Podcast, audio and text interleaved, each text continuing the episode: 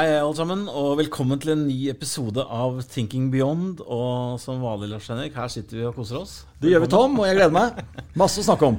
Masse å snakke om. og... Jeg er spent på hva du skal spørre om i dag. Ja, ikke sant? Jeg har masse lurespørsmål på, på, på rams her, Lars Henrik. Men eh, jeg vil først faktisk begynne med å eh, ta opp et tema som vi hadde som avslutning i forrige episode, som vi har fått en del tilbakemeldinger fra. Og folk synes, er nysgjerrige på dette med ordet eksklusjon, som vi snakket veldig mye om. Eh, om Lars Henrik, kan ikke du mm, repetere bitte litt om, om, hva du snakket om da?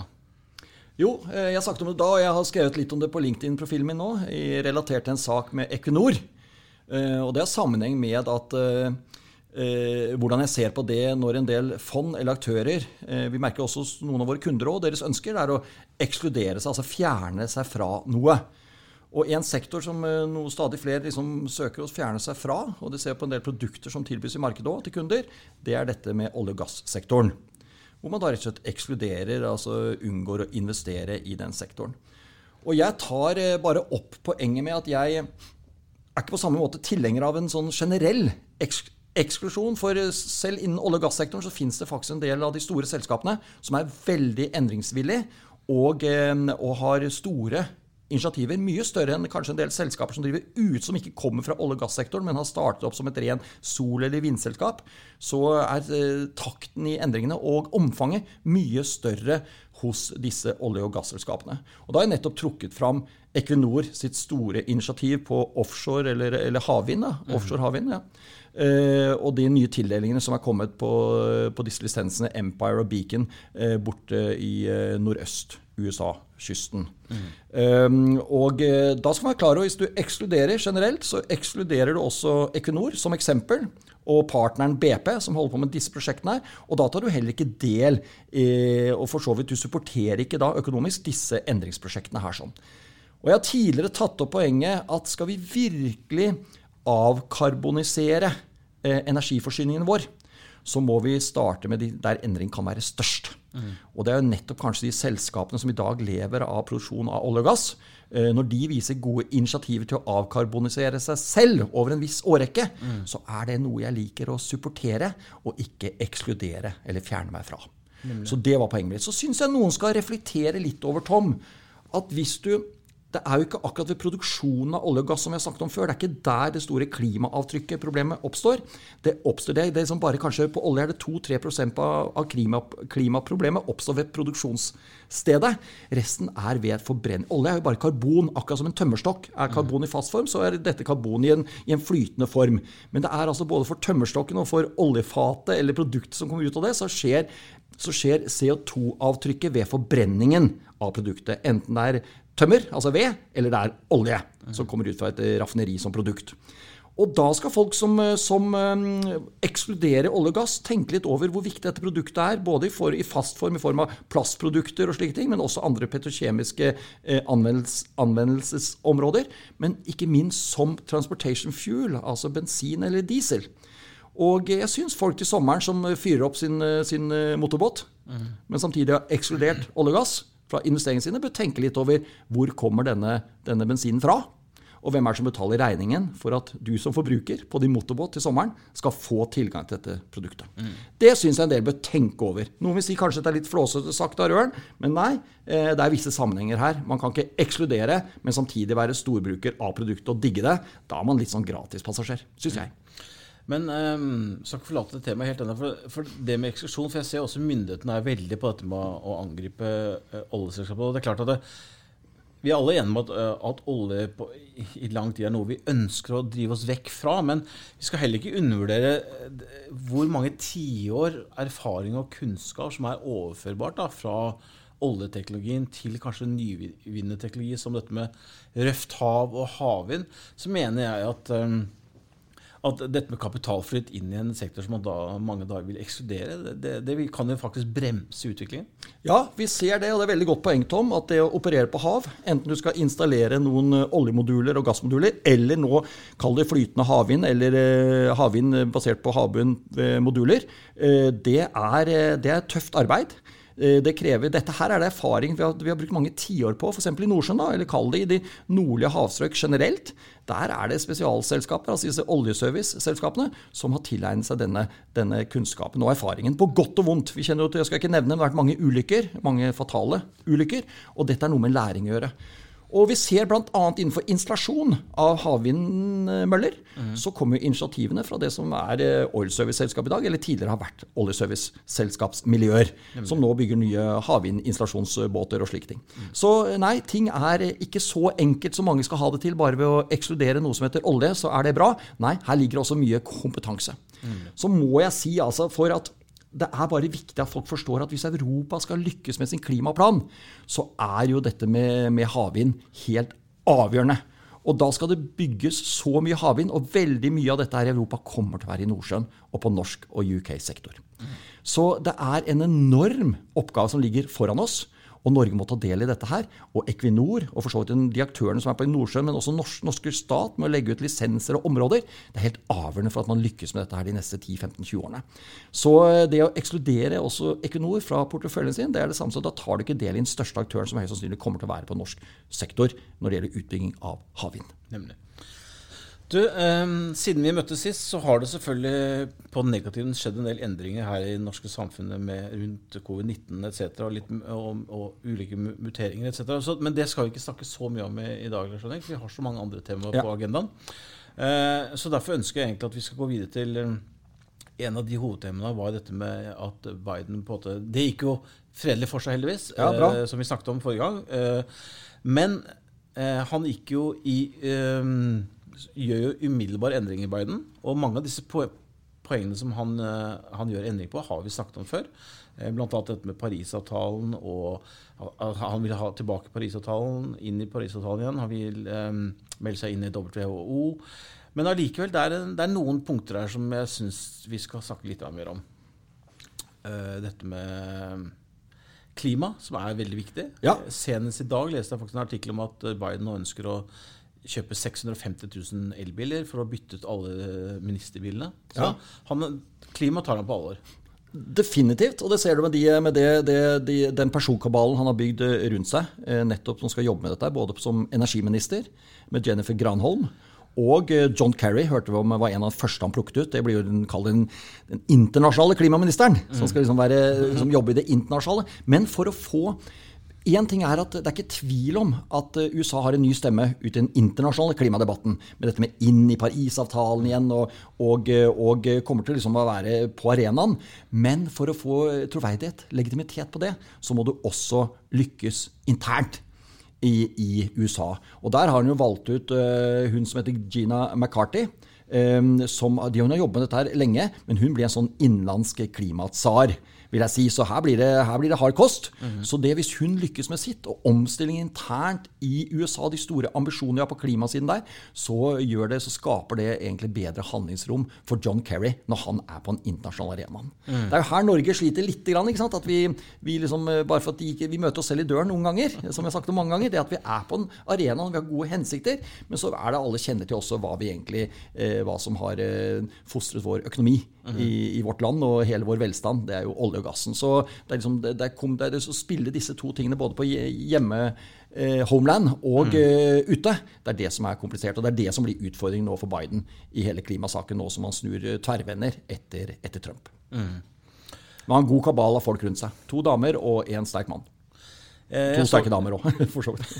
Jeg så bl.a. et intervju med, av uh, Stoltenberg, ja. Nato-sjefen, hvor han snakker om at uh, han har møtt Biden mange ganger før og hadde veldig positiv tro på at uh, nye relasjoner vil styrkes og skapes. og han, sa jo, han dro veldig godt fram med at uh, Biden er en veldig likende skar. Og der uh, kan det kanskje man komme litt bedre ut enn Trump, for å si det, bruke de ordene. Det er vi helt enige Vi har ikke noe imot Biden. Men vi skal også snakke litt om et poeng som du har tatt opp flere ganger, Lars Henrik. Dette med at han tar initiativ for å få Iran igjen en ny atomavtale? Ja, nå skal vi ikke snakke for mye om Olje. om olje her, Nei. og sånne ting, men dette er bare, en, eh, det er bare å si ja til det. At eh, det er, det, det, det er uttalt allerede eh, i høst, og også for så vidt i hans valgkamp i, i sommer og gjennom hele egentlig eh, starten på valgkampen nå, at han har eh, intensjon å ta USA inn i denne atomavtalen igjen. Og, eh, og eh, det er, konsekvensen av det kan være at det blir da større eksportmulighet for, eh, ute i markedet for iransk olje. Og det kan legge et lite press på oljeprisen. Det er hele poenget der, men eh, dette må vi vente. Både inntreden i WHO, som vi har sagt om, i Parisavtalen, og også ta opp igjen forhandlingene og se om det er grunnlag for en ny eller en eh, gjenopptakelse av hele denne atomavtalen med, eh, med Iran. Nemlig. Du, øh, vi skal komme oss videre, men, men ut ifra de ting, punktene som, som har kommet, som Biden skal gjøre enig på, er det noe her som overrasker deg noen vei? Nei, eh, over, overhodet ikke. Han har eh, signert raskt eh, presidentordre i hopetall. Og eh, reverserte som det har vært Noen av disse her er jo sånn som blir reversert hver gang det er skifte mellom republikanerne og demokratene, som er rent sånn partipolitiske saker. Så ikke noe dramatikk i det. er sånn, Alt dette her var mer eller mindre ventet. Så eh, starten har skjedd eh, raskt. Nå er også riksrettssaken eh, mot Trump kjørt over fra Kongressen, eller fra Representantenes til, til Senatet. eh, Og så skal det behandles der. Og så jobber jo parallelt også nå Biden med å få innsatt sine, eller godkjent i Senatet sine, sine ministre. Hvor ikke alle er godkjent ennå. Så de har nok å gjøre i Senatet om dagen eh, og de neste ukene. Nemlig. Vi, vi løper videre, Lars Henrik. Vi Ja, nå får USA være USA. Nå skal vi snakke mindre om det. Ja, nå skal vi snakke litt om inflasjon. øh, og mm, et poeng Du er alltid tidlig ute med disse tingene, Lars Erik, men vi snakket jo en del om dette her i fjor. og En av de tingene som du fryktet inn i året, som Jeg skal ikke bruke ordet black swan, men eh, du, du, hvis det var noe du var redd for, så var det jo dette med stigende rente og, og inflasjon henger jo litt sammen. Ja. Får du høyere inflasjon, så, så er det grunnlag for å tro at rentene også skal opp. Eh, Det jeg ser nå, som er ute i media, ser jeg bl.a. DNB nå er ute med en rykende fersk prognose hvor de, hvor de er redd for dette her eh, for denne, at eh, pengemarkedsveksten kommer til å gi inflasjon. Og de faktisk drar det så langt at de, de frykter at det, at det kan føre med seg en korreksjon på opp mot 35-40% i det amerikanske aksjemarkedet. Og det, eh, det er jo voldsomme, voldsomme uttalelser. Hvor- Hvorfor er inflasjonen så farlig? Lars Henrik? Ja, først det er 35-40 det er jeg vil heller sagt mye et stort fall. For 35-40% er liksom det de prøver å si med det, at vi kan få et alvorlig fall. Ja. Og blir det så stort, kan det også bli større. Det kan bli over 50% For det er det egentlig fallene er hver gang når noe knekker. Og med den oppturen vi har hatt nå egentlig strengt tatt i tolv år, eh, pluss minus, så er det med bare noen få korreksjoner underveis, inklusiv den som var i mars i fjor, så kommer fallet den dagen det kommer til å kunne bli massivt. Eh, vi får se hvordan det spiller seg ut. Nei, inflasjon er farlig, for det er inflasjonen som en, som et, eh, en motpost til inflasjonen, da, det er at man vil prøve å stagge den, altså prøve å bremse den, iallfall få den kontrollert ned på et definert, et, inn en definert eh, range eller en størrelse.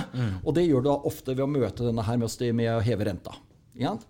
Og når du hever renta, så skal da blir det da blir de eh, mer risikofrie aktiva, f.eks. pengeskudd, blir mer attraktivt. Og det, må, det, må, det må stilles enda mer Det blir vanskeligere å forsvare avkastningskravet innenfor disse risikoaktiva klassene, som nå er blitt priset som at renta skal ligge på null. Eh, tilnærmet i all evighet. Det er det som har skjedd de siste jeg vil si egentlig siden 80-tallet med Greenspan. Og dette med å bruke aktivt renteinstrumentet. Så vi har hatt fallende renter generelt eh, sett egentlig, hva blir det, altså over 30 år. Men spesielt etter finanskrisen i 2018, for å reparere hele den skjøre økonomien da, så var disse her quantum easinger og eh, pengepolitisk stimuli. Og eh, det har egentlig bare ført til at eh, det har blitt eh, mindre og mindre interessant å være i, i risikofri aktiva, altså pengeskudd. Og pengene har søkt mot risikoaktiva klasser. Og der er det har vært så mye penger der ute at alle disse prisene er kjørt opp i taket. Så man, det er veldig vanskelig nå å finne det vi kaller noen sånn absolutt verdi i noen sånne risikoaktive klasser, enten det er eiendom eller aksje eller high yield eller nesten hva du vil. Men, eh, men du kan alltid snakke om relativ verdi. At det kan være noen av disse aktiva klassene som er bedre enn de andre. Det kan det være. Men eh, det er ikke mye verdi igjen i markedet nå. Så det som er problemet da, hvis inflasjonen kommer, og når den kommer, den kommer en dag, så blir denne møtt av økt rente. Og det slår egentlig beina under mye av, eh, eller hele fundamentet under en del av de prisstigningene vi har hatt innenfor disse aktiva klassene jeg nevnte. Så det er et kjempeproblem. Så det, denne ballongen, vi vet altså Det er ikke for å skremme, men den sprekker sprekker en dag. Vi vet bare ikke hvor, hvor mye større ballongen skal bli, og hva som er nålen eh, som, som sprekker den. Eh, men jeg vil si at det, dette her med eh, Det kan være at uh, hele sentimentet og momentumet i markedet forsvinner ved at uh, folk mister troen på økonomisk gjeninnhenting i år. Vaksinen virker ikke. Mutasjonen er mye mer alvorlig enn man tror. Eh, slike hendelser. Eller så kan det være noe helt sånn eh, black swan som vi har sagt om, som vi ikke kan definere hva er. Eller så er det dette med, med inflasjon og renter. Jeg har lyst til å nevne én ting som kan være veldig uheldig det er hvis inflasjonen kommer pga. disse stimulerende pengepolitiske tiltak og lave renter, samtidig som at den økonomiske veksten er fraværende. Mm. Da får vi det som heter stagflasjon. Mm. Det er altså inflasjon, men uten økonomisk vekst. Og mm. uten økonomisk vekst så er det ofte tiltakende arbeidsledighet og slike ting. Og da kan du få litt sånn sosial urolighet. Eh, for da blir det at ting blir dyrere, mens egentlig folk får tilgang til mindre og mindre penger. Iallfall den store hva skal si, gemeine hop, altså store mm. lave middelklasse og slike ting. Og da er vi kanskje bare starten på opprør fra både svart og hvit eh, middelklasse eller lav middelklasse i USA, eller gule vester i Frankrike og slike ting. Nemlig. Så det, det, blir spennende og interessant å følge med på, Tom. Dette er et, et tema som vi kommer til å vende tilbake til eh, garantert gjennom året. Men um som vanlig Lars Henrik, så må jeg jo stille deg noen spørsmål rundt LinkedIn. For der er du jo aktiv, og du har jo så mange følgere på, på dette fora. Så jeg har lyst til å spørre um, et lite spørsmål rundt dette med Du har skrevet flere innlegg, Lars Henrik, men en av de var uh, en liten refleksjon rundt dette med Norwegian. Ja, det er jo bare en, det var mer en Jeg vil ikke Norwegian noe vondt her. sånn. Det er bra å se at de skal refinansiere seg. at uh, Nå har de jo lagt ned sin internasjonale satsing. De skal fokusere på Norge og jeg kaller det Norden, og til dels kanskje enkelte strekninger nord i, i Europa, men, men, med base virkelig i Norge og Norden. Ned på 50 fly er planen etter hvert, fra de nesten 200 de ville hatt etter hvert, mm. og, og får ned gjelda ordentlig. Det eneste jeg sier her, er at når du leser mediene og hører litt, så ser det ut som at, liksom at den nye egenkapitalen liksom står i kø for å få lov til å være med på den satsingen her. Og det skjer samtidig som man ikke er ferdig forhandlet med kreditorene, mm. som skal ta ganske store tap mm. Eh, for å få dette på plass. Og Det er da jeg egentlig bare reflekterte over her. Er, er dette så attraktivt fra egenkapitalen at de allerede nå står i kjempekø for å få lov til å være med på denne nye starten eller refinansieringen?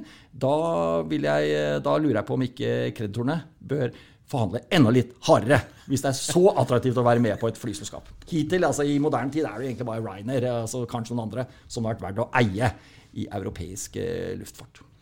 På, eh, fra et bærekraftig perspektiv altså vil jeg jo si at eh, tidlig gjeld har det vært snakket om helt opp mot 80 milliarder. så har vært en liksom, i, i leasingforpliktelser og gjeld. Så det jeg hører nå, er at de skal forhandle seg fram til helt ned mot 20. Så uansett, så ja, men Helt ned mot 20 tom. Da kan vi si at uh, det, det, Et av de andre selskapene som skal starte opp i Norge nå, det, mm. dette Flyr, mm. de snakker om å ha opp mot 7-28 fly. Mm. Og de sier at vil, eh, når, er, når, de har nådd det, så har de en leasingforpliktelse på 3 milliarder kroner. Mm. Så de skal altså ha halvparten av antall fly som Norwegian snakker om, cirka. Og Norwegian skal ha liksom en, en, en, si, en totalkapital på kanskje 20 milliarder. Mm. totalt sett det er sånn, Mens Flyr eh, ville da på 50 fly hatt, eh, hatt rundt 6 mm. milliarder mm. i leasingforpliktelse. Det, men det ligger jo selvfølgelig mye merkenavn til Norwegian her, at de har gjort dette før. Og de har en organisasjon, de har et navn. Mm. Men hvor mye skal du sette i, i, verdi på den? Det er det det står på i forhold til Flyr. Men at Flyr starter opp enda billigere, med enda mindre kapital og forpliktelse bak hver fly, enn Norwegian gjør, selv etter denne refinansieringen de nå snakker om, det er det ikke tvil om. Men så er det det liksom, vil man fly med Flyr, eller vil man fly med Norwegian? Og hvor mye mer kan Norwegian mm. ta i billettpriser? Og hvor mye bedre kan de fylle opp flyene sine i forhold til Flyr og Wizz Air og SAS og videre. Vi får fem aktører som skal fly Norge nå. Det er én ting som er sikkert, Tom. Jeg tror det kommer til å være billige billetter på oss vanlige fremover. Det, det, er, det, er, gledelig. Det er veldig gledelig. og Det er nok, det er nok stikkende stor at det er nok billigere å starte et flyskap nå i forhold til å bygge nye fly. Ja. Altså hva, hva koster å kjøpe fly nå? Og Lise er nok langt billigere hva det var for noen år siden.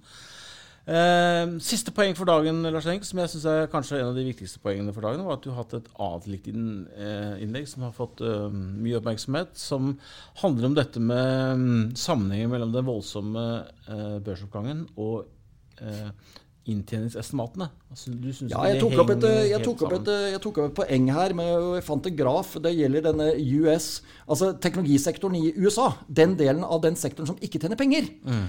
Og da så vi bare at uh, siden mars i fjor, når markedet var på bånn, mm. etter uh, i denne verste koronamåneden hvor det kollapset fullstendig i mars 2020, så har, uh, så har denne, denne, gruppen av selskaper steget med femgangeren på disse ti månedene. Mm. Og da stiller jeg spørsmål liksom, betyr ikke inntjening noe lenger? Er det bare fremtidstroen og sentiment og momentum, og at du kjøper bare en, en aksje eller en vare, og så håper du at du kan selge den videre til en annen som er villig til å betale litt mer? Etterpå.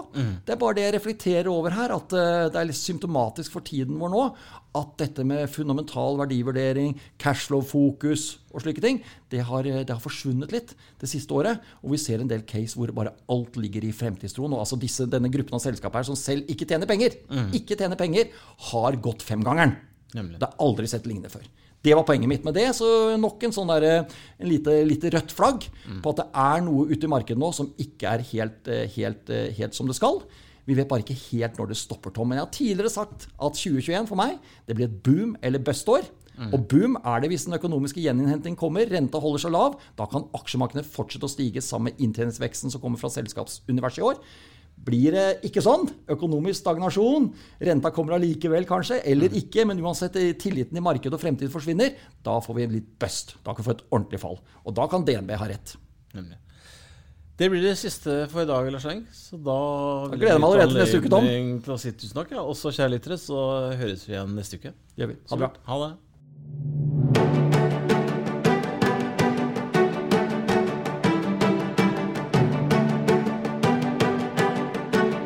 Har hørt på Thinking Beyond, en podkast fra Formuesforvaltning.